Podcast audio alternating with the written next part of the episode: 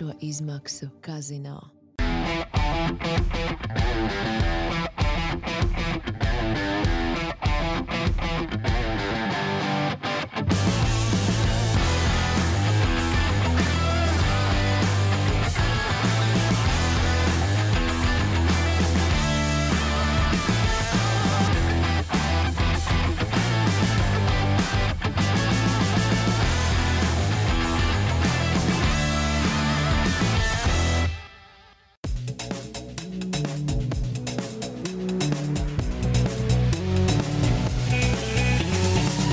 F1 LV podkāsts. Labdien visiem Formule 1 līdzjutējiem! Vismaz parasti tie mums ir Formule 1 līdzjutēji. Kārtējā pirmdiena šoreiz gan jāsaka ne pēc eh, Formule 1 posma. Mums tikai šīs nedēļas nogalē būs Kanādas lielās balvas izcīņa, kurai, protams, arī sekosim līdzi un pirmdien atkal pārunāsim notikums. Bet eh, šoreiz īpašs podkāsts, eh, ņemot vērā, cik mums daudz notikumu bija šajā nedēļas nogalē, iepriekšējā nedēļas nogalē tad parunāt pilnīgi noteikti par ko būs, bet uh, galvenokārt tomēr runāsim par kartingu, par lietu, ar kuru sākās, jāsaka, viss lielais autosports, kas ir pamatā visam lielajam autosportam. Uh, Un mums studijā būs ārkārtīgi daudz viesu. Es uzreiz ieslēgšu koplānu, lai redzētu, mums ir vesels ģimenes pasākums. Kopējā kamera pat nepaņem visu, kas mums ir studijā, notiek šobrīd. Bet mums notiek spēlēšanās ar mašīnītēm. Man liekas, pirmo reizi FNCL podkāstu vēsturē. Nu, tas ir lieliski. Jā, Jānis, kā vienmēr studijā kopā ar mums, es ar visiem viesiem arī atsevišķi iepazīstināšu. Jāni, Kā tev ir attiecības ar kartingu? Tā kā mēs runāsim par kartingu vairāk, es zinu, ka tu esi vairāk kārt eh, reiz eh, teicis, ka tu neesi gluži no kartinga pasaules nācis. es vispār nezinu, kāpēc es šeit sēžu, ja godīgi. Es vispār neko no kartinga nesaprotu. Gan arī nopietni nekad neesmu braucis. Nē, nē, nu, man patīk kartings. Eh, viss katrs reizes, kad es esmu izbraucis ceļš uz sporta kartingu, tas ir vienkārši kaut kas mega. Patiesībā, tā, kad es izbraucu kaut kādu treniņu ar DD2, man liekas, ko vispār ar tām mašīnām tur braukt. Viņas taču visas lēnas un, un, un, un vienkārši neinteresants. Bet, Bet, jā, jā. Nu, es šeit esmu vairāk tāpēc, lai vienkārši izdēļot fonu. Es paklausīšos no speciālistiem, ko viņi saka. Man ļoti interesanti būs dzirdēt to, ko viņi ir gatavi pastāstīt. Jā, pirmais viesis, ko gribētu stādīt priekšā, ir Kristaps Gasparovičs, 22. gada pasaules čempions DD2 klasē. Tas, laikam, tavs panākums, kas tev, nu, to neviens vairs nevar atņemt. Uh, Eh, mēs tev arī gribam to birku piekarināt, un līdz ar to arī sākt ar to, kā tas ir mainījis, eh, nu, es negribētu teikt, varbūt dzīvi visu, bet nu, vismaz eh, sportisko karjeru. Kopš šī panākuma, ko tu esi savādāk sācis darīt, varbūt kādā veidā mērķis arī pamainījis savus.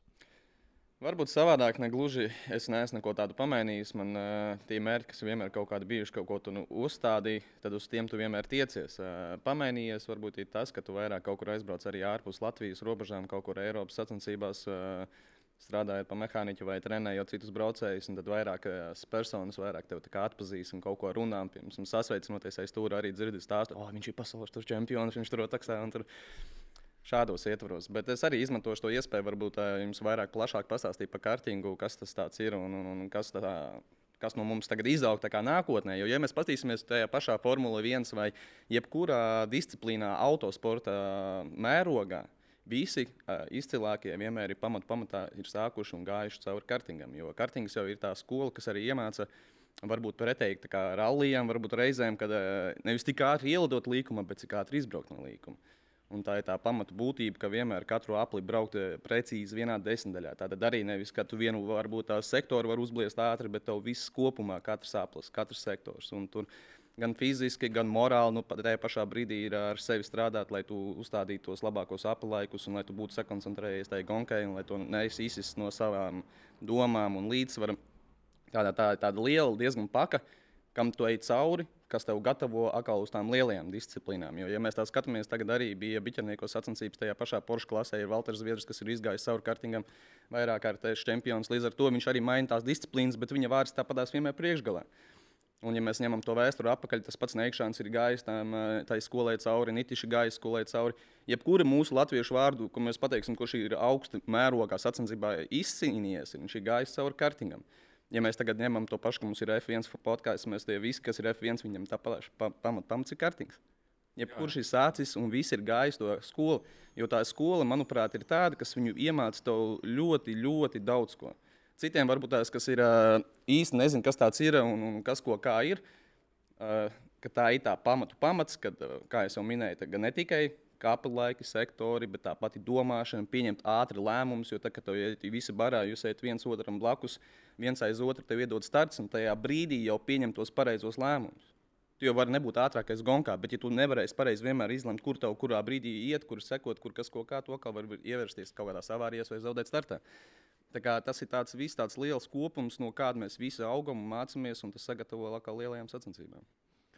Man patiesībā ir visu laiku arī uztraucis viens jautājums, pat neuztraucis, bet pilnīgi noteikti Dīdīs uzdot kartinga cilvēkiem. Es pieļauju, ka es visiem trim jums to varētu pajautāt kaut kādā brīdī.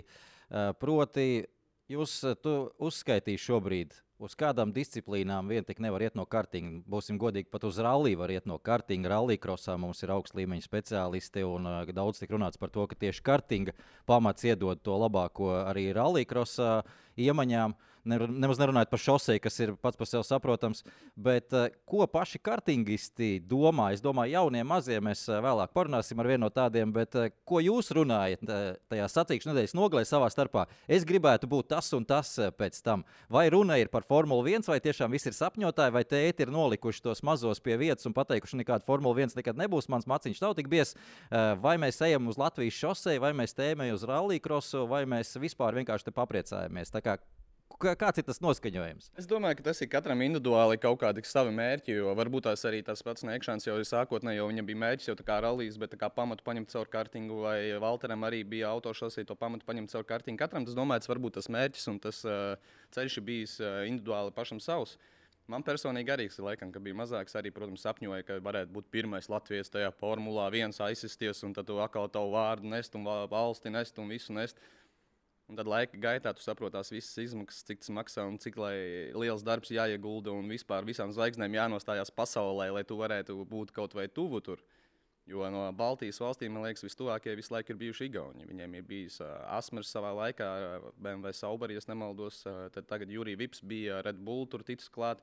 Un tagad Eirons arī laikam vēl kā F2, laikam F3, kas pagodīgi. F3, F3 šobrīd, jā. jā. Tas arī vēl turpat jau tuvu atkal pie tām pašām durvīm vien klauvē. Uh, Bet, eh, kā jau minēju, tas jau laikam būs katram individuāli, kas, kas bijis tie sapnis. Bet ja es arī varu pateikt, ka eh, man bija tā iespēja, laikam, cik man bija 14, 15 gadi, mēs bijām aizbraukuši uz Somiju ar tēvu.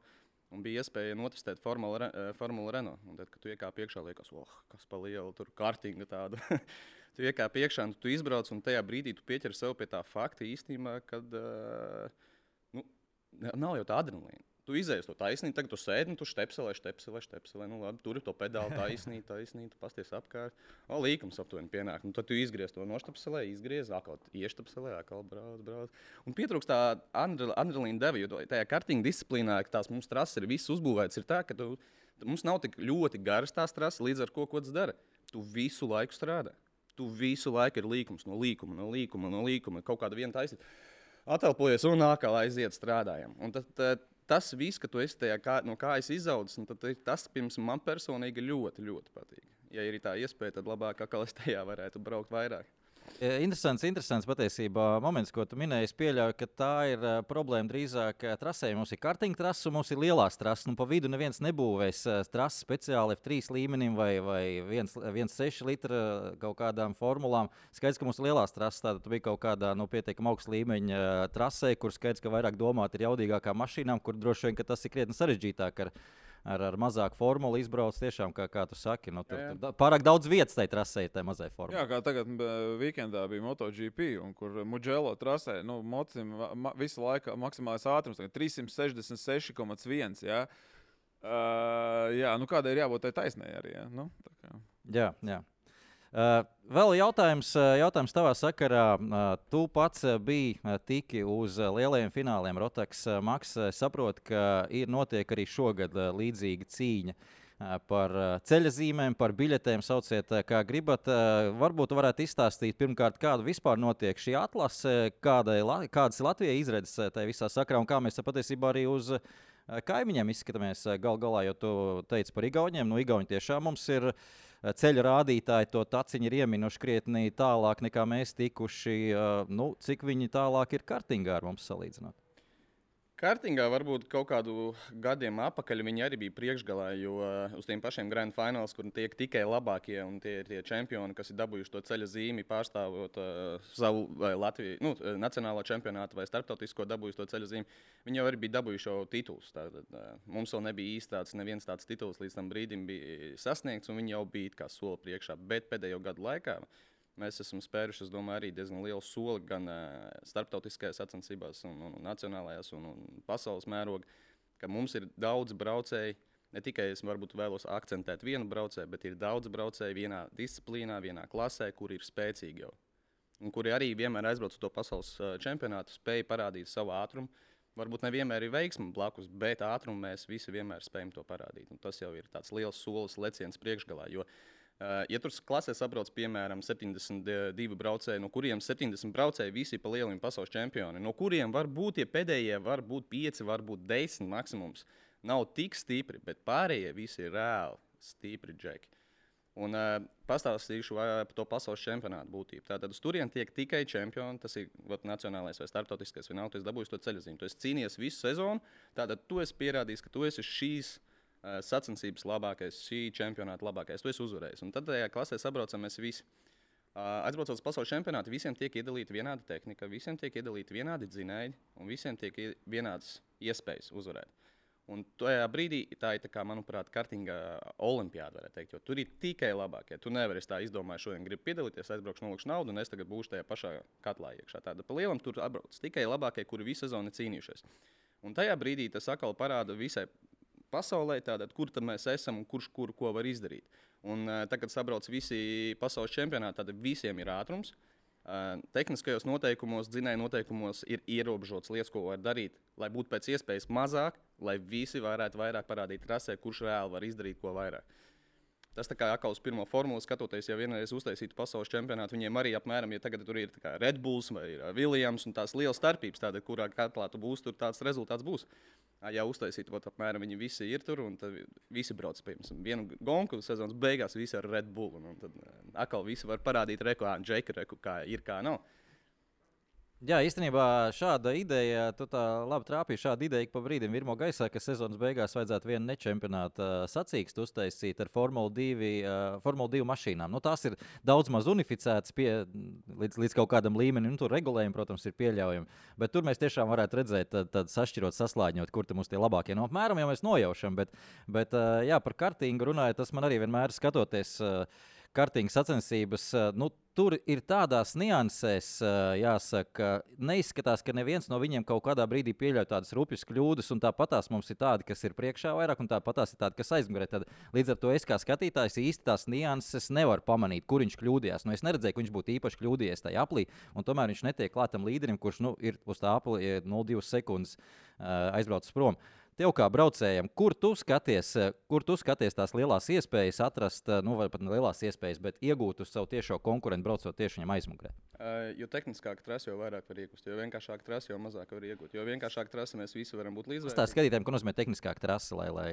Uh, tehniskāk trasa, manuprāt, ir vairāk, piemēram, līkumu virāžu, kas būtu aspektētu, piemēram, kartingā pasaulē ir tādas saucamās čūskas, tās žargonisms, ka tev ir piemēram labais, kreisais, labais, pēc kā seko gara taisnība. Ja tu labo kreiso labo izbrauc ar kļūdu, piemēram, kaut kur bišķi pārbrauc pār daudz apmalē vai noslīdot nostāda, tu jau zaudēji to visu taisnību. Ne jau tu zaudēji ātrumu. Tieši tā, izējas ātrumu.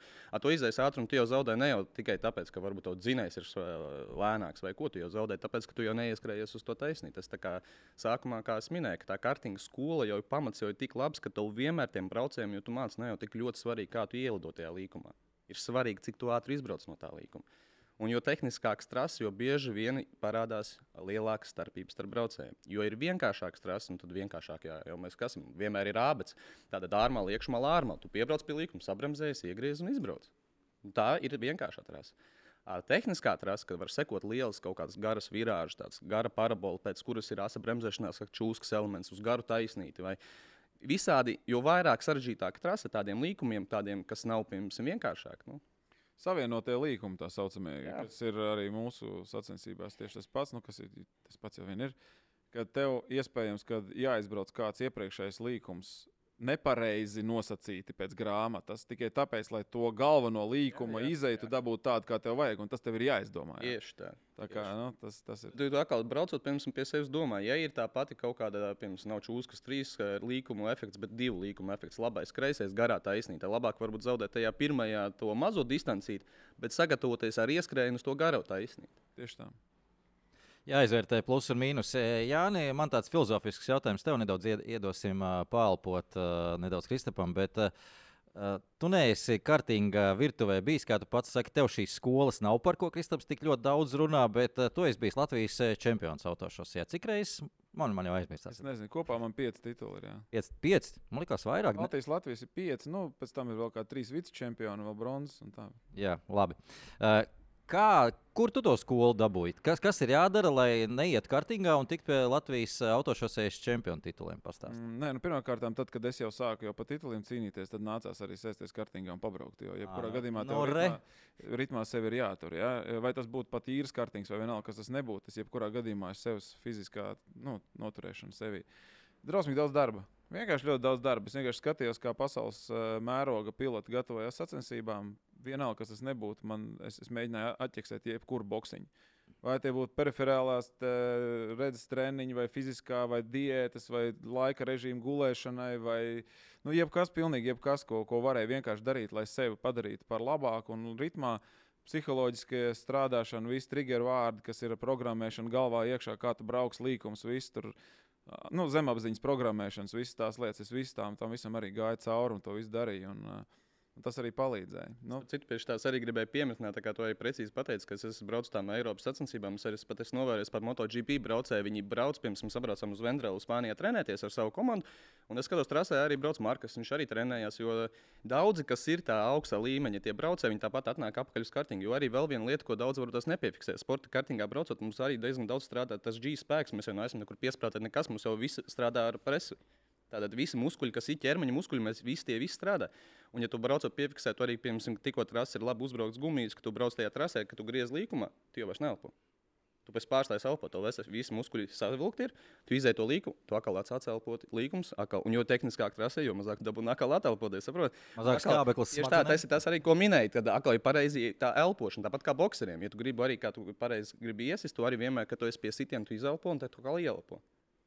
Nu, tas Jā. viss, tas, ko neredz, varbūt. Tur visas tās mazas lietas tieši tā, un tā, tā, tā visa trases braukšana galvā pret chronometriem un vispārējās lietas, tā kā, ko mēs redzam, nu, lai cilvēki, kas ne, ne, neskatās varbūt tik daudz autosporta, kas zina, bobslē, ļoti labs piemērs, ka bobslē parasti var rādīt, ka cilvēki gatavojas braukšanai lejā. Viņš Trasē, šitā te Vizualizē. Jā, viņš vizualizē un brauc cauri trasē, atcerās visus tos līkumus. Tam ir jābūt automātiskā levelī. Tu nedrīkst braukt un domāt, ja ceļš sacensījos, tu nedrīkst braukt un domāt, kas tagad tajā brīdī notiek. Tu nedrīkst to darīt. Tas viss ir automātiskā.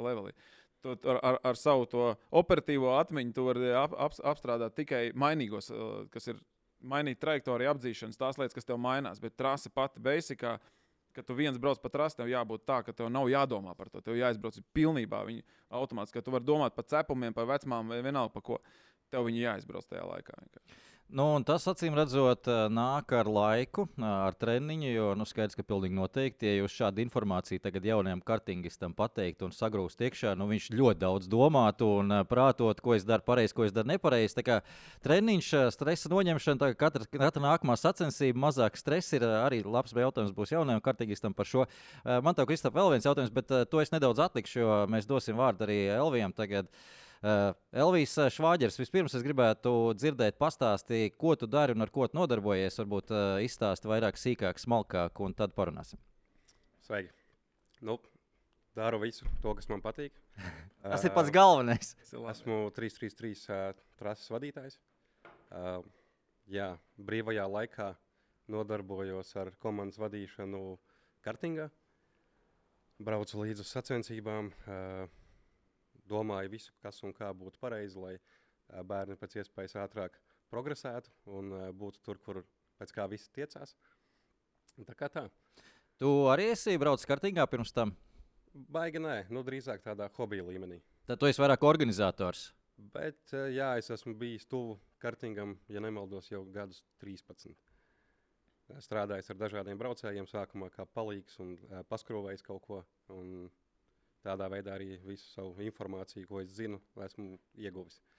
Uh, varbūt neliels sānsolis no manas puses, bet uh, man uh, personīgi interesē, kas, kas notiek tagad uh, 3-3-3 uh, trasē, kādi ir plāni, varbūt tādi lielāki, plašāki, un vai tādiem pilnīgi muļķīšiem amatieriem, kā man arī ir iespēja izbraukt pa svaigu gaisu. Jo nu, Rīgā pabraukāties ziemā, kad man vairāk laiks ir, es varu zem jumta. Tas, uh, Vēlreiz ar Jānis, ap citu satikāmies arī īres kartīga uh, trasē, bet, bet vai var arī svaigā gaisā kaut ko 3-3-3? Jā, uh, manuprāt, sporta komplekss 333, tā kā Rīga, nekad nebūs gatava. Visu laiku mēs kaut ko darām, kaut ko būvējam, kaut ko izmainām, lai būtu labāk visiem, un no tā būtu labums arī visai Latvijai vai pat uh, Baltijai.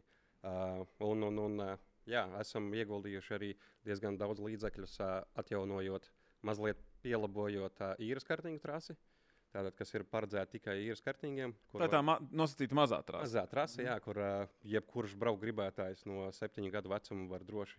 Tur noteikti arī ir pat interesantākie. Viņi ir tiešām tehniski un tādi. Jā, tehniski un uh, tieši daudz, tikpat daudz nianses, cik pa lielam sporta kartīgā braukšanā tu vari sākt uh, iemācīties ar to īres kartīgu.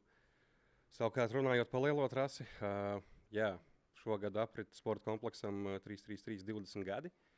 Pastāvēšana. Pagājušajā gadā bija pilnīgi skaidrs, ka vecais asfalts, kas ir lielā sporta trasē, ir nokalpojis savu. Līdz ar to ķērāmies pie darbiem un uzbūvējām pilnīgi jaunu pēc Pasaules FIA autosporta federācijas standartiem kartīgu trasi. Es izteiktu viņu ar kājām, ka viņi vēl bija tikko tā kā nosfaltēta. Magic vienkārši forši tie pār, pārtaisītie līkumi, visi viņi tik līdzeni un tāda tik plūstoša, tāda forša. Un es vēl neesmu braucis viņā iekšā, bet nu, tā vizuāli izskatījās. Jā, nu, laikam esam jāsaka paldies visiem, kas iesaistījās uh, trases būvniecības procesā, kolēģiem, visiem. Ļoti labs darbiņš. Uh, trase tiešām ir fantastiska. Ir aizvadīti arī pirmie treniņi uh, dažādu veidu sportistiem ar dažādām klasēm. Uh, nu, Nevienu sliktu atsauksmi neesmu dzirdējis. Trase ir uh, viennozīmīgi ātrākā Baltijā pēc vidējā ātruma, kas ir aptuveni 90 plus km/h. Vidējais ātrums. Vidējais ātrums jā. Līkumi. Tur līkuma sekcijas ir gan ar virāžām, gan ar kalniņiem. Domāju, tas ļoti dos visai kartīgu saimai vietu, kur izaugsmas iespējas, lai pēc tam aizbraucot uz Eiropu, kur ir tiešām tās trases ir tik ātras. Pie mums īsti tāda nav Baltijas reģionā tik ātra un tad tiem sportistiem aizbraucot uz Eiropas vai pasaules līmeņa sacensībām, tas sagādā grūtības pierast pie tā ātruma un viss pārējā. Ļoti, jā, man vairāk interesanti jautājumi šajā sakrā, bet uh, viens jautājums. Līdz šim man likās, ka tāda modernākā trase ir Kandavā. Es uh, nekļūdos, es ceru, ja mums tur bija problēmas ilgu laiku, protams, ar tās trases izmantošanu. Uh, nu, salīdzinājumam, nu, Kandavā es bijis redzējis, apmēram, kā tas izskatās viss uh, arī sacensību laikā, salīdzinājumam, kas, kur ir tā atšķirība, ko nozīmē FIA standarts, jo, un, arī, un arī kāda salīdzinājuma līdz ar to kan, Kandavas trasē, vai tur ir tāda standarta, kā tagad būs 333? Uh, tur būtībā visam, visam, kas atrodas trasē, ir noteikumi. Garumi, platumi, augstumi, uh, cik ļoti var būt leņķī iegāzts līkums, uh, kādām jābūt trases norobežojušiem kerbiem, iekšmalām, ārmalām. Uh, pilnīgi viss pilnīgi viss tur ietilpst. Tā skaidrs, ka pirmā būtība ir uh, trases platums. Jā, tam ir jābūt uh, noteiktam 9 metri vismaz. Un tālāk jau būvē kā vēlēs. Palielam. Bet, uh, skaidrs, 9 metri, es atvainojos, 9 metri tas ir minimums. Jā. Vismaz 9 metri. Tad šaurākā vieta ir 9 metri. Nu, nopietni, tur cik kārtīgi blakus ejiet 9 metros. Tur, cik? No nu, riteņa bāzes kartingam ir deviņi. deviņi platāks par 1,40 m. Jā. jā, skaidrs. Bet tas nozīmē, ka pagaidām tādas kaujas apstākļos tā trase vēl nav notestēta. Un, ja mēs prasītu kādam salīdzināt ar citām Latvijas trasēm, īsti tāda salīdzinājuma vēl nav. Jā, nu katra trase ir specifiska. Katra trase ir uh, savādāk braucama. Katrā ir kaut kādas nianses, kas ir labākas, sliktākas. Kā... Katram pilotam būs sava mīļākā trase. Tieši tā. Gadījumā.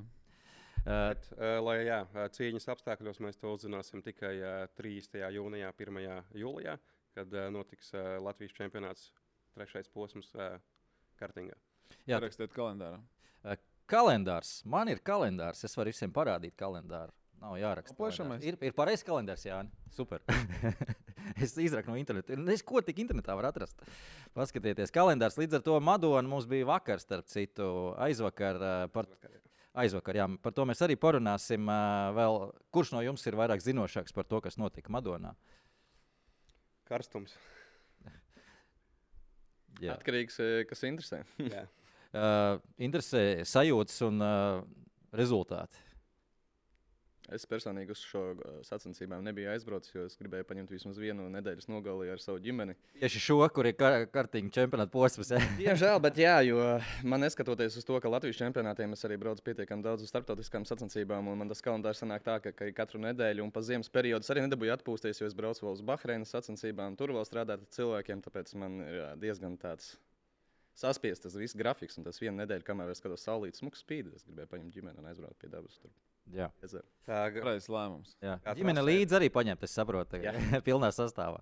tā trasē tā arī mājās, jā, kartiņš Jā. nedod atpūsties. Un, uh, tie kalendāri ir diezgan uh, saspringti. Uh, Vēl kamēr es neaizmirstu, uh, man uh, Elvijam pēdējais uh, jautājums par, par trasi pašu, uh, tāda 333, vēl pirms mēs pārējām uz Madonu. Uh, Tātad, ja ir šī, šis darbs ielikts un uh, tur ir uh, šī FIA licence, Viņa vēl nav. viņa vēl nav, viņa vēl jāakreditē, tātad, bet būs teorētiski. Jā.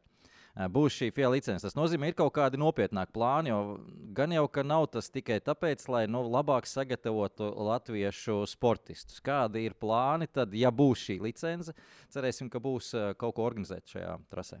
Uh, plāni, jā. Uh, ne tikai trase, uh, ir vajadzīga arī visa infrastruktūra apkārt trasei, lai uzorganizētu kaut kādu lielāku mērogu sacensības, kas ir arī viens no plāniem. Uh, nākamgad esam uzrakstījuši pieteikumu uz uh, Eiropas čempionāta posmu, OK, uh, tātad FIA klasēm, OK, OK junioram un arī FIA uh, junior akadēmijā, kur arī startē rolas, kas mums vēlāk pievienosies. Uh, jā, mūsu mērķis ir tikt tur kalendārā, lai uh, 24. gadā pie mums notiktu šis posms. Uh, Kādas priekšrocības būs, ka Latvija tiks pie šī posma? Priekšrocības. Nu, Mēs, būs, mēs būsim satrenējušies tajā. Būs, būs vairāk pabraukājuši. Jā, noteikti. trasē būsim satrenējušies. Nē, nu es domāju, arī no Latvijas viedokļa jau skaidrs, ka katra posma organizēšana, es pa jebkuru šobrīd sporta veidu runāju, jo kaut kādu prasa ieguldījumus, un nu, tur licences maksas jāmaksā, kā mēs zinām, mums rallijas cik dārgi maksā. Vienmēr ir jāprasa naudu ir no valsts, kā šajā gadījumā ir kaut kādas maksas, un vai valsts maksās, kurš to maksās? Skaidrs, ka trase ir uzbūvēta uh, privātiem līdzekļiem. Uh, Visi vis izdevumi, kas saistīti ar, ar, ar, ar licences noformēšanu, iet no sporta kompleksa 333. Ieguvums, ieguvums ir vienkārši notiks čempionātā. Es domāju, ka tas iegūms ir gan pašiem braucējiem, latviešiem, kas pirmkārt būs visai atrenējušies. Un, Un otrkārt, jā, kas ir visai valstī un pilsētā, jo, ja mēs tā rēķinām, cik cilvēki tas sabrauks uz to pasākumu, tas jau nebūs 10, 20, tas jau būs simtiem. Tad, ja sabrauc 200, piemēram, braucēju, katram 200 braucējiem būs mehāniķis. 400. Katram eh, būs varbūt līdz mamma, tētis, ģimene un tā tālāk. Tad cik cilvēks sabrauks tas to visu weekendu, visas viesnīcas, pārtiks veikalu. Tad jebkurā gadījumā ir eh, iegūms. Tā kā no tādas aspekta jau var. Jā, nu, vienkārši šis, ir ļoti sāpīgs jautājums patiesībā, jo mēs ar hokeja čempionātu daudz esam arī strīdējušies, cik tas reāli iegūms bija un tā tālāk. Varam priecāties, nepriecāties. Vienkārši man ir bail tāda, ka šobrīd visi iet pie valdības un prasa to naudu. Arī volejbols, arī beigts, nu visi. Un vai kartiņas arī nepazudīs tajā visā. Un, respektīvi, tāpēc, vai ir vispār nepieciešams mums tas valsts atbalsts, bet, eh, nu, ja es pareizi sapratu no Elvija, tad uh, tie ir privātie ieguldījumi, un šobrīd tas valsts atbalsts nav vajadzīgs. Mēs drīzāk dodam dāvanu valstī, kad lūdzu jums vesels tūkstoš cilvēks atbrauc. Noteikti, ka ir dažādi veidi projekti, kur mēs varam startēt ā, kā organizatori un mēģināt dabūt kādu līdzfinansējumu. Mm. Tas būs nepieciešams. Līdzfinansējums vienmēr ir nepieciešams. Par ko mēs te runājam vispār? Nu, jebkas, kas var palīdzēt e, cilvēkiem, kas iegulda darbu, un savu naudu un laiku, un vispārējo, tas taču ir forši tikai. Nu. Tieši tā. Tā kā lai valdība nebremzē. Tieši tā. bremzē. Infrastruktūra, tu minēji, tad es domāju, ka viena no infrastruktūras lietām, kas jā, jābūt, ir jau, jāuz, jāuzbūvē viesnīca arī kaut kur tur tūmā, ir, lai, lai tie cilvēki varbūt uz Rīgu aizbraukt tikai pirms un pēc papriecāties. Lai... Tiesībā mums arī ir, ā, ir vieta, kur palikt. ā, Mums ir kempinga mājiņas, kas atrodas pie dīķa, kas ir blakus trasē. Ā, Vispār nav problēma. Jo, jo man liekas, ka tāda kārtīga autosporta līdzekļa, nu, paskatieties uz Lemānu. Visi aizbrauc ar kemperiem, godīgi sakot, ar kemperiem. Tur, tur pašā Lemānā es esmu bijis uz vietas, tur nav kur palikt. Tur uz to nedēļas nogali viss tiek izrādīts, ko var izīrēt, un tur nav absolūti kur palikt tiem 400 tūkstošiem, kas tur ierodās. Un viņi dzīvo kemperos, viņi dzīvo teltīs, viņi dzīvo savās pat vieglajās automašīnās, pārtais par gultām. Tā kā, nu, Nu, tā patiesībā ir arī Latvijas problēma. Pārējās trases ir kaut kur dziļāk laukos, tālāk no pilsētām. Nu, ir, ir tā, ka nav vietas, kur palikt. Jā. Tu brauc no vienas pilsētas uz otru, ja tikai tur ir ā, brīva vieta viesnīcā. Uh, Jā, uh, mums otrajā daļā būs uh, Rolands, bet pirms mēs dosim Rolandam vietu pie galda un mikrofona. Man vēl Kristapam viens tāds jautājums, ko es pa ceļam braucot uz tejieni iedomājos sakarā ar, es nevaru nedomāt par Formuli 1 pa ceļam, mm -hmm. sakarā ar Formuli 1 uh, un tieši Fernando Alonso, jo es zinu, ka tavs tēvs ir, nu, es gribētu teikt, kartinga leģenda Latvijas, Latvijas kartingā, un, un viņi joprojām pieteikami aktīvi brauc, un arī, arī te bija runa, ka varbūt viņu vajadzēja sūtīt uz to pasaules čempionātu. Eh, Tas vēl pagājušajā gadā, bet eh, man liekas, ka tu būsi vislabākajās pozīcijās, lai pateiktu, kā tad ir, ir īsti ar to vecumu. Ko tas dod? Skaidrs, es saprotu, pieredzi un vispārējais, bet eh, vai vecums kaut ko arī atņem? Jo es esmu dzirdējis, viņš pats intervijās ir teicis, ka ar vecumu tev ir vairāk jāsāk strādāt. Ko nozīmē vairāk jāsāk strādāt? Kartings ir tāda disciplīna, es arī domāju, varbūt pat visā disciplīnā kopumā, kā autosportā, bet kartingā ļoti ir izteikti, ka, ja tu izlaiž tās sezonas kaut kādu, pie, pietiek ar vienu sezonu izlaiž, un tu gribi nākamajā sezonā būt atkal tajā pašā tā, priekšgalā, kur ir pārējie, tas ir ļoti grūti. Tāpēc, ka tie cilvēki, kas ir aktīvi katru dienu brauc, pietrūks to viena, divas desmitaļas, un jau visu to jau gonkā jau esi zaudējis. Uz tik tiem apļiem tu jau esi pazaudējis. Tad tas ir ļoti svarīgi vienmēr būt tajā apritē un vienmēr būt tur iekšā un vienmēr sev uzturēt tajā tonusā, lai tu arī būtu ar to asumu un tiktu tiem visiem braucējiem līdzi. Un, uh, jo vecāks paliks, jo paliks ar vien grūtāk. Jo tu esi jaunāks, to tas asums ir un tu vari iekāpt iekšā, tu tur diezgan ātri vari būt- dabūt to pašu tempu atpakaļ. Bet, jo vecāks tu paliec, jo paliek vēl vien tā grūtāk. Tev jau liekas, jā, es varu ar visām galvām, smadzenes ķermeņa, jā, es varu davai lecam iekšā un braucam. Tu vienā brīdī jau vari piefiksēt, ka to jau, piemēram, jau ā, fiziskā sagatavotība vairs nav tāda, kāda bija agrāk un vispārējais. Nu, mēs jau arī agrāk varējām vēl pa dienu tur iet uz skolā, pēc tam vēl futbolu spēlēt un vēl kaut kur aiziet uz tusiņiem, nākamā dienā pamosties, tā kā nekas nebūtu bijis un varam vilkt. Tagad kaut kā uz vecumu vairs tas nā, neiet. Jā. Taisnība. Uh, jā, nu šajā ziņā tiešām interesanti, jo izskatās, ka uz Fernando Alonso visi šie fizikas likumi neatiecas. Uh, kā viņš pats teica, tad uh, vienīgā atšķirība, ka es vienkārši treniņos mazāk, uh, mazāk strādāju ar muskuļiem, vairāk galvu. Uh, Nav, nav ķermenis vairs līdzi nevelk. Uh, Nu, katrā ziņā novēlam uh, pilnīgi noteikti tavam tēvam arī vēl panākums. Galu galā mums ir savs Ironman kartingā. Latvijā. Paldies, Kristap, ka atnāci un izstāstīji. Gan jau, ka mēs vēl tiksimies šajā sakarā. Tagad mēs dosim, uh, dosim vārdu jaunajam censonim. Varbūt es varēju vēl pateikt, vēl Jā, pēdējos vārdus. Es gribēju pateikt arī eh, paldies arī mūsu iepriekšējā kartingā Saimas, kas ir eh, tādam stūrmanim, kas bija valsts brutāns, kas mums bija to stūrējis, visu to visu sabiedrību un tās organizējas sacensības. Un arī tagad tam jaunajam mūsu censonim Jānim Karzukam, kurš cenšas un visu Dara dara. studijā. Ir. Jā, tepat studijā Jānis Karziks arī, kurš cenšas un iegulda lielu darbu tajā visā, lai mūsu sabiedrība tikai attīstītos un tikai būtu labāka un stiprāka uz lielajām sacensībām. Paldies jums! Forši. Paldies! paldies. Uh, tā, kamēr tu pārsēdies, es Jānim uzjautāšu vienu jautājumu uh, par uh, Lemānu patiesībā. Mm. Cik tas dīvaini nebūtu, Jāni, mēs ar tevi esam baigi daudz šeit kritizējuši Ferrari. Un, uh, man vismaz vakardien bija tāda sajūta, ka nu, beidzot, beidzot uz tām visām brūcēm ir balzāms uzliets uh, ar šo uzvaru. Uh, Lemānā. Kād, te- kāds tev bija pirmā reakcija? Es zinu, ka tu baigi ne, ne, nesanāca laiks sekot, bet nu, pati uzvara pats fakts kā tāds. Nē, nu, ja jau Leclerc ir izteicis vēlmi uzbraukt Lemānu. Viņš bija uz vietas. Viņš bija uz Es vietas. zinu, ka viņš bija uz vietas. Tāpēc es saku, tad, tad skaidrs, ka kaut kas tur tajā visā ir. Un, nu, forši. Es domāju, ka Ferrari to vajadzēja. Vienīgais, pirmais, man, kad viņi uzvarēja Lemānu, es domāju, varbūt viņi metīs mierā to Formuli 1 un tas to Lemāns. jo tur viņiem kaut kā labāk sanāk. Bet, ā, Nu, Maleči, maleči, ļoti labi. Tas, tas bija vajadzīgs visiem Ferrari uh, faniem pasaulē. Es domāju, ka šis vismaz kaut kā nedaudz bija kaut kāds plāksterīts uz tām lielajām brūcēm, kas ir pēdējiem gadiem sataisīts. Jā, jā man, arī, man arī patīkās. Nē, esmu tā, ka milzīgais Ferrari līdzekļs, bet, bet šis bija patīkami ļoti. Jā. Uh, sveiks, Roland! Uh, kāds sajūts? Foršas. Izskatās, ka tu ar mikrofonu esi saradzis. Baigi, nē. Baigi nē? Baigi jūtas diezgan Vai- jā, komfortabli. vai- Baigi vai labi tas ir. Jā. Kā tev ir ar Ferrari? Ir, tu esi Ferrari līdzekļs, tev ir Ferrari cepurīt mājās, tev ir Rotex Maxis, redz, bet Nē, man ir Red Bull aprīt. tev ir Red Bull. Maxis Verstapens, jā? Jā, bet vispār vairāk Sebastians Vetels. O, tu esi tik vecs, klausies. Nu, malacis, malacis. Jā, malacis. eh, Bet, eh, nu, pie reizes varbūt arī neliels sānsols no tēmas kārtējies. Eh, Kā, kā tu izvēlējies, kam, kam sekot līdzi? Kas nosaka to? Vai tad visiem maziem bērniem nepatīk sarkanas mašīnas? Es redzēju, nu, pats sarkana mašīna te bija uz dīvāna arī spēlējās. Nu, ja kādam mazam puikam paprasīt, nu, kādu mašīnu tu gribi? Nu, sarkanu. Nu, kāda sarkana mašīna? Nu, Ferrari, nu, skaidrs. Nē? Nu, nezinu, katram jau ir sava mašīna mīļākā. Nu, kāda tev ir? Man vajag pat, vispār patīk Audi visvairāk. Ir kaut kādi sporta Audi, nu, ne jau kaut kādi parasti. nu, protams, ko tu parasti. tas viss man, ir, man tas ļoti daudz ietekmē. Piemēram, skaņa Audi man ļoti patīk. Nevis, piemēram, kāda ir Ferrari. Dažreiz ir paskaļu. Audi viņi ir mierīgāki. Un tā no visiem punktiem savā, kad man Audi mīļākā ir. Super Audi nāk eh, Formula 1. Visas iespējas arī Audi izcelties, būs pacīnīties ar Ferrari. Bet ne tāpēc esam te uzaicinājuši. Tu esi arī viens no Latvijas, nu, gribētu teikt, kartinga talantiem.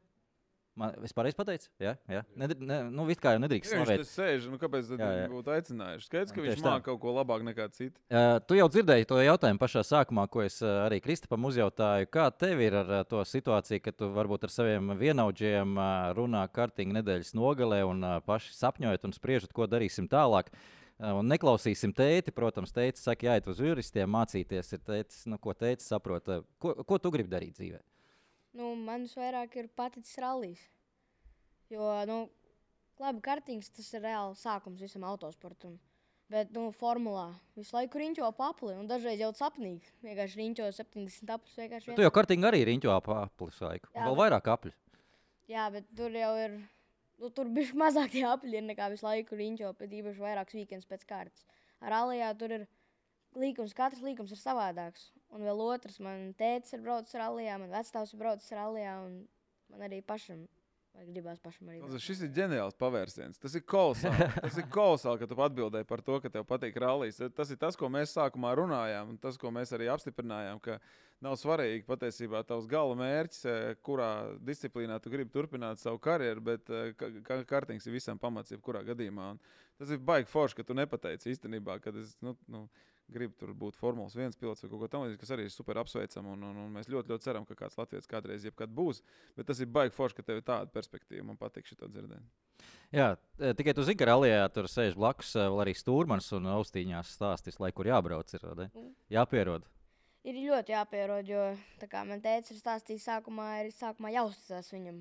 Tas ir visgrūtākais to pārvarēt. Nu, ja tu nāc no rallija ģimenes, tad e, jā, izskatās diezgan loģiski tajā virzienā iet. e, Varbūt izstāsti, kā tev sākās kartings, visa, visa šī kartinga dzīve. Nu, es saprotu, ka teicis tev tajā iemet baseina dziļ, dziļajā galā un pateica peldi.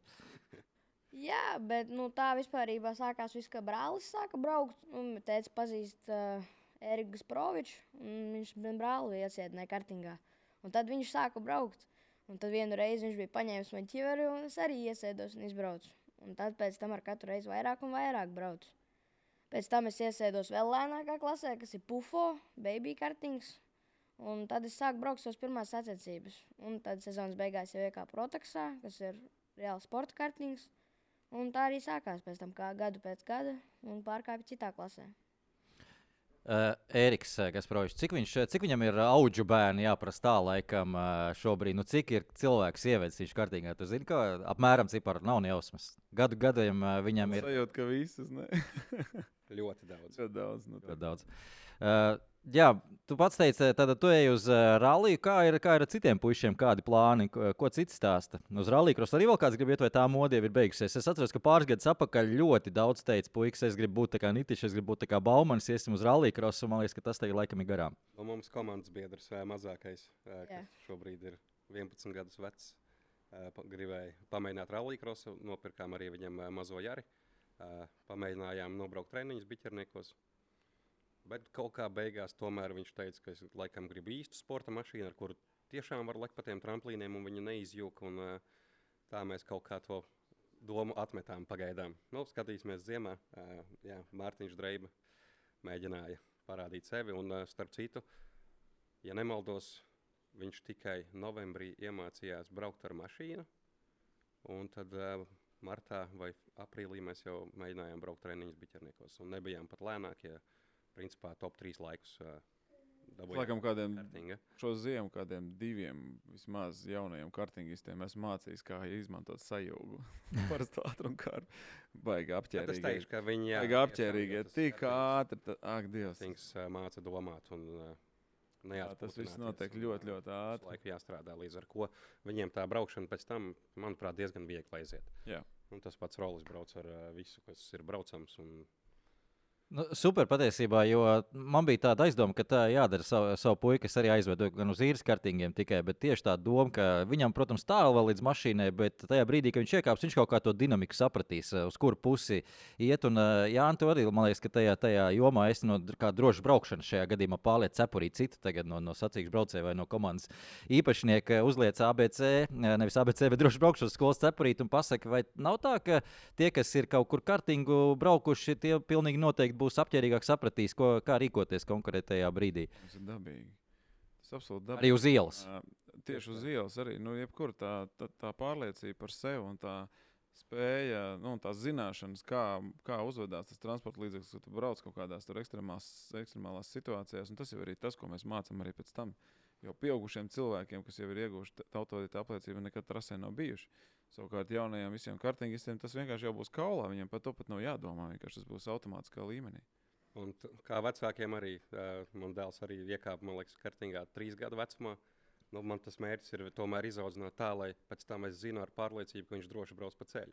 Jā. Uh, tas, manuprāt, dau, ļoti daudz ko Tas dod. ir baigi labi arī tajā, ka, nu, tā, kad tu esi kārtīgi strādājis trasē, nu, ir, ir atsevišķi individu, ne, nesaukšu vārdos, un tā tālāk, kuriem tas ir pilnīgi vienalga, un viņiem tas nedarbojas. Bet parasti tāds cilvēks, kas ir no, nopietni nodarbojies ar autosportu, nekad pa ielu baigi ne, nedūlojās. Viņš saprot, ka nu, tur nav kam pierādīt neko. Tur viņš zina savas robežas, viņš zina visu, ko vajag, viņš brauc mierīgi, viņš saprot, cik ļoti bīstami ir to darīt uz ielas, un cik ļoti kaifīgi to darīt trasē. vienkārši. Un Tas arī viss.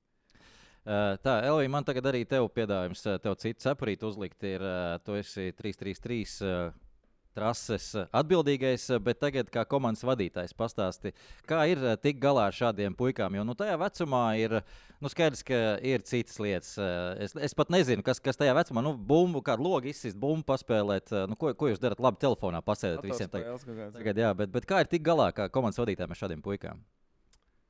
Gan viegli, gan grūti. Uh, ir dienas, kad ļoti labi mēs saprotamies, un uh, viss, ko es stāstu, klausās, dara. Uh, iespējams, tas ir uh, kaut kāds iespējams no tā, kas ir darīts iepriekšējo nedēļu, vai kā, vai tu atbrauc sacensībām reāli jau nobriedis un gatavs strādāt. Dažreiz mazliet mazāk strādāt, uh, bet uh, tā ir jāaudzina un, uh, jāaudzina un jāmāca un jāstāsta. Jebkurā gadījumā, jebkādā garstāvoklī, un jādara viss nepieciešamais, lai būtu sasniegt mērķi. Ja, ja nedaudz tuvāk mikrofonam paņemam, tās, tās, tās to arī paņem. Ja? Kas ir pats grūtākais tavā skatījumā, šādā, šādā teiksim, komandā, kur tev ir pusauģi, kas, kas nu, pašiem liels galvas, paši, paši galvas pleciem, paši zina, kā jādara un dzīve kāda ir. Visu zina. Grūtākais droši vien ir saglabāt mieru, tad, kad uh, nav miera. Tā varētu būt. Jā. Jā, uh, Roland, klausies, vēl es izstāstu, ka tu, ne, tu esi diezgan runīgs šajā sakrā. Tev var uzdot arī diezgan nopietns jautājums. Uh, Attiecībā par uh, taviem līdzšinējiem rezultātiem, uh, pastāst varbūt kopumā, ko tu esi, kā tev liekas, kas ir tavs labākais rezultāts, ko tu esi sasniedzis, un uh, uz, ko, uz kādiem mērķiem tev ir plāns, nu, kā minimums šogad, un varbūt arī nākamgad. Nu, šogad, tā saka, man ir mērķis nobraukt vismaz top 3, jo es esmu izlaidis pirmā Latvijas čempionāta posmu, jo pagājušo sezonu es biju visātrākais no jauniešu, nu, tie, kas bija pienācēji Latvijas čempionātā Rotax Max junior klasē. Es biju visātrākais no visiem latviešiem. Un man izvirzīja no Latvijas uz uh, FIA, F, FIA akadēmiju. Un tad šogad es izlaidu to pirmo kandavu, jo man bija tā akadēmija. Un tad man ir jācenšas ar katru posmu braukt labāk un labāk, lai tiktu vismaz tajā trīniekā. Jo uh, tas ir reizes grūtāk, kad tu izlaidis vienu posmu, kāds ir iegūts maksimālos punktus, tev ir nulle. Pēc tam tev ir jāmēģina tos punktus atgūt. Izstāstīja, ko nozīmē FIA akadēmija un uh, kā tas izpaudīsies šīs sezonas gaitā. Ko tu tur dari, kur tu to dari? Nu, Fuja akadēmija tā ir viena no pasaules par lielākajām sacensībām priekš jauniešiem. Protams, ar ierobežotu vecumu skaitu. Un, uh, tur mēs aizbraucam, tu, tur ir noteikts valsts un trases. Tur nav, piemēram, vien, visu trīs vienādas trases un trīs posmi. Tur sezonā ir trīs posmi vairākās valstīs, un tajās valstīs var pateikt, ka labākajās trasēs. Un mēs aizbraucam uz turieni, mums tur ir viss kaut kāds formula viens medicīnas, mēs tur vingrojam, pareizi elpojam, mums tur viss kaut ko tādu māca. Tad, mum, tad mēs arī, var pateikt, ka trasē sacenšamies viens ar otru, mēs ieraujam, mēs tur visi diezgan draudzīgi mēs esam, mēs visi tur viens otram palīdzam. Un, uh, jā, tās vienkārši milzīgas sensības, var teikt, diezgan grūtas arī. Jo man bija tāda, nu, var teikt, pirmā lielā pieredze tādās sensībās. Vēl esmu braucis tā kā Beļģijas čempionātā, bet tur nekad nu, nebija tā. Jo man treniņos bija lietus, pa lietu man bija viss ļoti labi. Un uzreiz, kā palika savs parādījās gumija, man uzreiz palika slikti. Es biju 20. vēl zemāk. Bet. Nu, lai saprastu to būtību, tur ir uh, 50 uh, sportisti. Katrs pārstāv savu valsti. Visiem tiek iedot arī jauni, vienādi kartiņi, vienādi dzinēji. Uh, patiesībā ar iespēju arī pēc jebkura brauciena uh, jūs varat mainīties ar vietām ar dzinējiem. Tev pienāk tātad uh, atbildīgais organizators un iedod cilvēku, ar kuru jūs samaināties ar dzinējiem. Un braucat konkursu tālāk. Uh, tā kā visiem apstākļi vienādi, līdzīgi kā uh, Kristaps stāstīja par grand fināliem, ja? uh, viss ir tieši tāpatās. Bet braucam mēs ar citiem dzinējiem, kas nav rotaks, uh, kas ir FIA klašu uh, kartingi uh, dzinēji. Jā, un tur tā, tur, tur rolītim būs jāpacīnās. Uh, Kur ir tā lielākā atšķirība? Tu tagad esi Latvijas čempionātā, nu nedaudz apostījis to gaisu, aizbrauc, aizbrauc uz ārzemēm.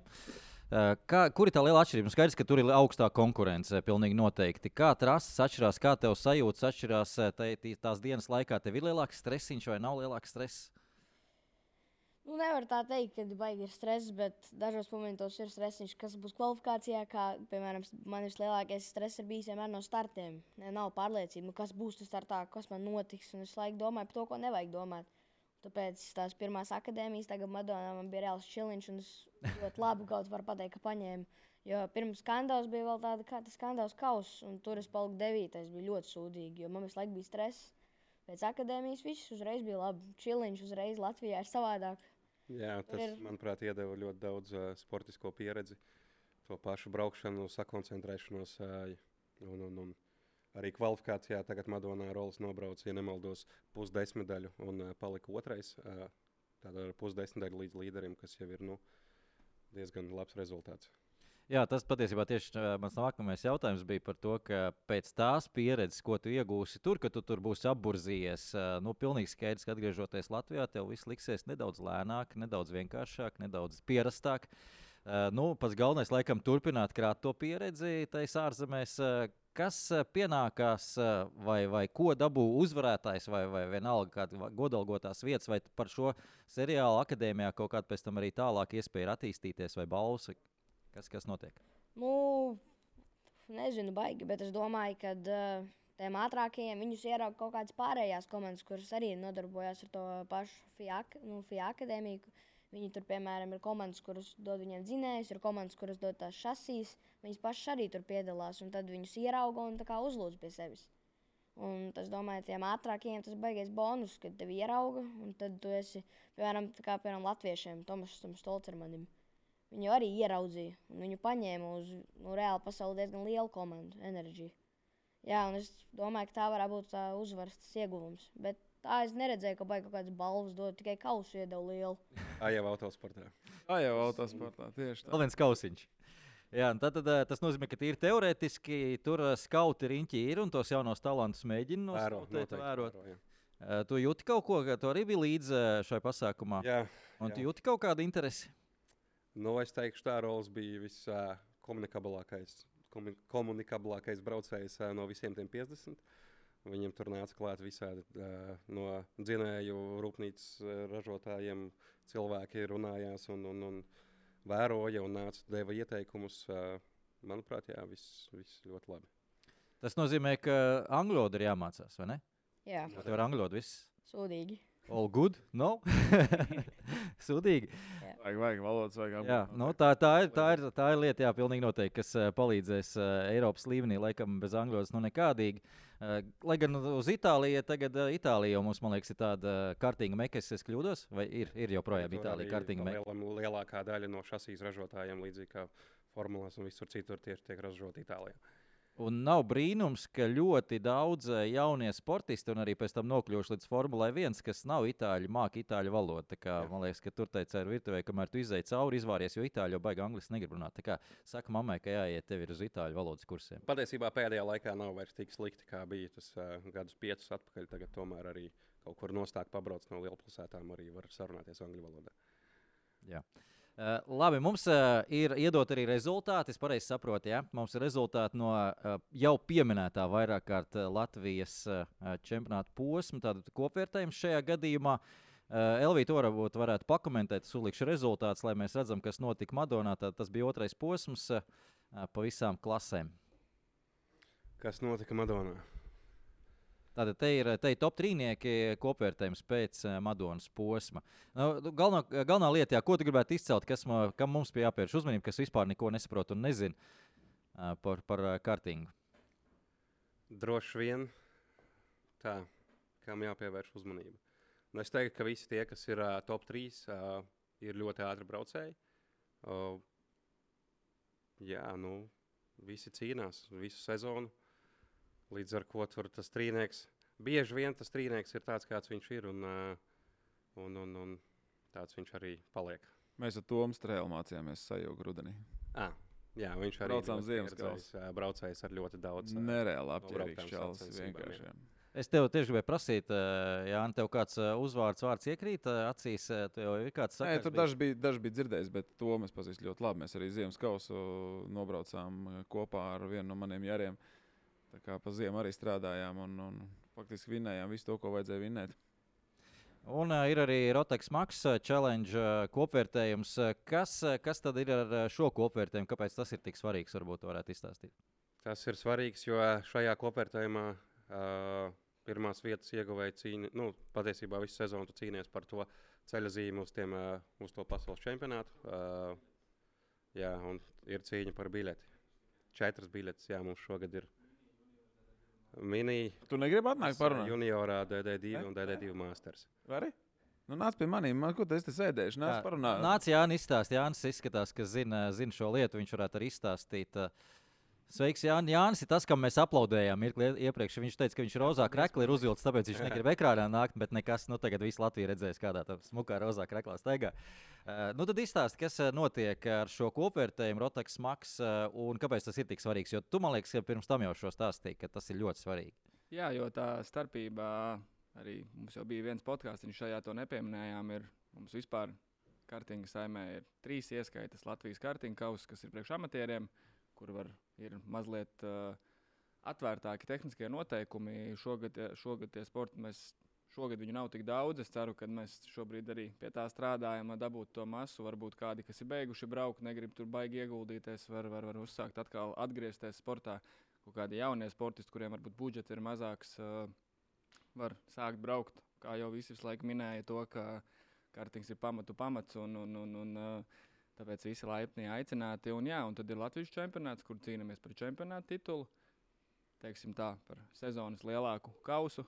Uh, bet, jā, challenge tas ir, tas ir tāds. Uh, Challenge mēs izcīnām biļetes. Tā, tā ir viņa saucās Grand Final Tickets izcīnām biļetes uz pasaules čempionātu. Jā, un šogad, šogad tās biļetes katru gadu viņas piešķir uh, Baltijas valstīm citādāk. Šogad mums ir mini klasē junior, DD2 un DD2 masters. Tāpēc šis kopvērtējums ir visiem, respektīvi, četrām klasēm vissvarīgākais. Tur, teiksim, tā notiek vislielākās cīņas. Un, uh, Madonā arī gāja, gāja jautri tieši junioros, DD2 un, un tās klases. Sauksim, dažreiz tur notiek gaļas mašīna, tāpat kā šosejā BMW 325 kapā. Jā, mainās, tu teici, mainās uh, klases, kurās piešķir uh, biļetes. Uh, Pirmkārt, kurš to nosaka, un otrkārt, jautājums, vai nav tā, ka arī maina kaut kādā, vai, vai cik var mainīt vispār klasi, pāriet uz šo klasi, kur piešķir šo biļeti kādu braucēju speciāli arī tur tikai startē attiecīgi. Jā, ir, ir dažreiz bijis arī tā, jā, kad ir kas brauc, pieņemsim, Igaunijā, brauc mikroklasē, kur ir biļete, kur viņam gadu starpība, pieņemsim, atļauj. Nē, šogad viņi ir Lietuvā, mikroklasē biļete, un tad ir tādi, kuri jau arī pēc gadiem iekļaujās miniklasē, un tad viņi brauc katrā čempionātā, mēģina izcīnīt biļeti gan Igaunijā, mikro, nu, lai vismaz būtu iespēja aizbraukt. Tā kā, nu, ir tur jā, izvērtē, jo ir arī juniors, tur var DD2 mēģināt startēt ar, pieņemsim, atļauju. tā Tur varianti ir dažādi, lai tik varētu aizbraukt uz stiprāko čempionātu pasaulē. Uh, Roland, tu arī es saprotu, ka mēģināsi startēt. Tik pie biļetes vai tā, laikam, jāsaka. Jā, tā Mums jau. tas mērķis ir nobraukt katru gonku maksimāli labi. Un, uh, pēc tam, kā punkti būs, tādi viņi būs. Bet uh, strādāt katru gonku nevis visu laiku domāt par to, kā uzvarēt uh, to biļeti, bet uh, tieši katrā posmā, katrā iebraucienā iegūt maksimāli daudz to, ko mums, kas mums nepieciešams. Un Madonā sanāca? Jā, un nē. Jā, un nē. Kāpēc Rolands smaida? Cīņa 4. Jā. Pabraucām 4, pabraucām 3. Otrie. Otrie visādi gāja. Jā. Nu, visi ļoti līdzīgi, visi ļoti vienādi, visi ļoti labi brauc. ā, Principā apzīšanas tikai uz kaut kādām kļūdām. Bet nu, citiem tā braukšanas pieredze arī ir mazliet lielāka. Līdz ar to viņi tajās cīņas, cīņas spriedzē varbūt pieņem labākus lēmumus un līdz ar to ir augstāks godu piedestāls. Uh, Jā, mums kādas trīs minūtes vēl palikušas apmēram. Tiešai, Jānis, man tas pēdējais jautājums tev par tādu kopējo, varbūt kopsavilkumu. Tu varētu uh, palikt uh, šim raidījumam un kopumā, kā ir ar kartinga situāciju, kā tu pats jūti. Cik uh, tas ir pieprasīts, uh, cik jums ir jaunpienācēji, cik ir liela interese no vecākiem, jo mēs visi zinām, uh, cik dārgs tas sports veids. Mēs par naudu neparunājam šajā raidījumā, bet mums varbūt vēl iespēja to būs darīt, jo man tas arī interesē, un es domāju, tas absolūti nav jāslēp. Es kā vecāks gribu zināt, lai arī cik ir tās daudz tās nulītes, es gribu zināt, cik, eh, cik izmaksā sezonā riepas, cik izmaksā sezonā viss aizbraukt kaut kur. Kā, eh, kā ir tā situācija, cik liela interese par kartingu ir? Nu, ja mēs skatāmies tādā piecu gadu griezumā, tad pirms pieciem gadiem uz katru sacensību, kad uh, vēl Valdis Brutāns bija organizators, bija pāri pa 200, bet arī klases bija, ja nemaldos, vismaz 12. Tagad mums viņas kopā sanāk 6 rotaks, ieskaita plus, plus Tiltsona T4, kas ir tāda vairāk saistoša klase ar mazākām izmaksām, kur var piedalīties gandrīz jebkurš un uzreiz var būt konkurētspējīgs, jo viņam viss ir ļoti ierobežots. Bet, eh, bet jā, eh, šobrīd ļoti strādājam, lai, lai no Eiropas mēģinātu uzaicināt vairāk sportistus, bet nu, tā situācija tāda. Covid bija samazinājās, kaut kādas uh, sacensību skaita samazinājās, uh, dalībnieki līdz ar to finansiāli arī kaut kādas problēmas. Beidzās tās likās, nu tik ar uzviju dosim ručkā, bet uh, karš Ukrainā, visi zina, kas notiek šobrīd, un, un, un uh, ir daudziem laikam ir šobrīd tās kaut kādas finansiālie griezti. Un, ja agrāk mums bija ļoti daudz sportistu no Lietuvas un no Igaunijas startēja Latvijā, jo mēs esam teiksim, tā lokāli pa vidu, tad, tad visiem tas bija izdevīgi. Bet tagad es sāku skatīties to, ka daudz izvēlās savus nacionālos čempionātus, un tās ticamāk ir izmaksas. Bet, Nu, tur neko īsti nevar iespaidot. Uh, var darīt, jebko aicināt, zvanīt, bet, uh, nu, ja tas finansiālais stāvoklis tāds ir un ja ir kaut kādas izvēles, daži labi, arī daudz sāk uz Eiropu braukt. Un, un, un tad viņi tur brauc uz savu nacionālo čempionātu, pāris Eiropas gongus, un tas budžets noteikti aizpildās, un tad Latvija izpaliek. Bet, nu, es uzskatu, mēs esam ļoti, ļoti lielu darbu ar sievu izdarījuši. Sieva man milzīgs palīgs tajā visā, visus noformējumus dara. Un, uh, es domāju, ka mēs uz nākošo sezonu būs arvien vairāk un vairāk, jo visiem patīk komentēšana mums no Eiropas augstākās klases. Jā, es paklausījos, bija ļoti interesanti patiesībā. Jā, Aleks Goldšmits, grandfināls komentē, Eirotrofijas komentē, un, un, un visiem patīk, un tik azartiski. Un, uh, es domāju, ka esam daudz darba izdarījuši, lai nākotnē mums tie sportisti pienāktu, un arī jaunie amatieru klasēs. Jā, nu, redziet, beigās aiz, aiz muguras eh, vienmēr ir kāda spēcīga sieviete, arī tādiem tehniskiem sporta veidiem, bet uz pašām, pašām beigām mums ir viens eh, skatītāja jautājums. Es domāju, ļoti sakarīgs, eh, bet ļoti īsi mums atbild. Mums laika nav vairs daudz. Jautājums konkrēts ir tāds, ja ir interese, kur Latvijā būtu iespējams pamācīties, patrenēties, braukt tieši ar sporta kartīgu, tā, kurš, kurš labāk atbildēs? Droši pie mums 333 sporta kompleksā ir tāda iespēja. Zvaniet uz infocentru vai skatieties mājaslapā. Noteikti vispirms būtu jāpamēģina rīras kartīgu. Pēc tam jau novērtēsim situāciju. Un, Vējas, iemaņas un tā tālāk. Nu, principā tie treniņi notiek, es teikšu, godīgi katru nedēļu kaut kādā trasē. Ja tā nav Latvija, tā ir Lietuva. Ja tā nav Lietuva, tā ir Igaunija. Un ņemot vērā Latviju, kur tu vari izbraukt uz visām pusēm, un ir ļoti ērti, treniņi notiek jebkur. Jēlgavā, man liekas, katru nedēļu notiek trīniekos. Tagad arī viņi nu, dos noteikti diezgan daudz iespējas braukt.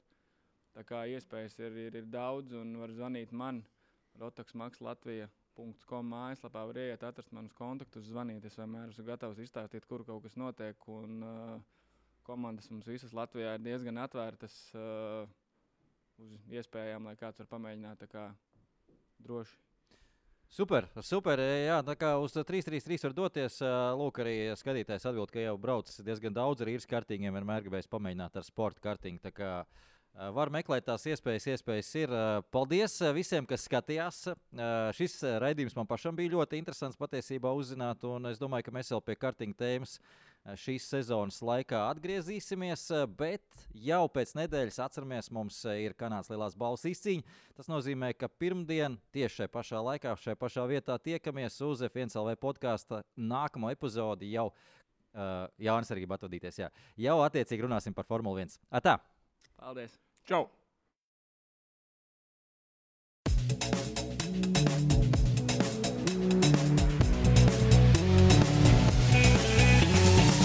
F1 LV podkāsts.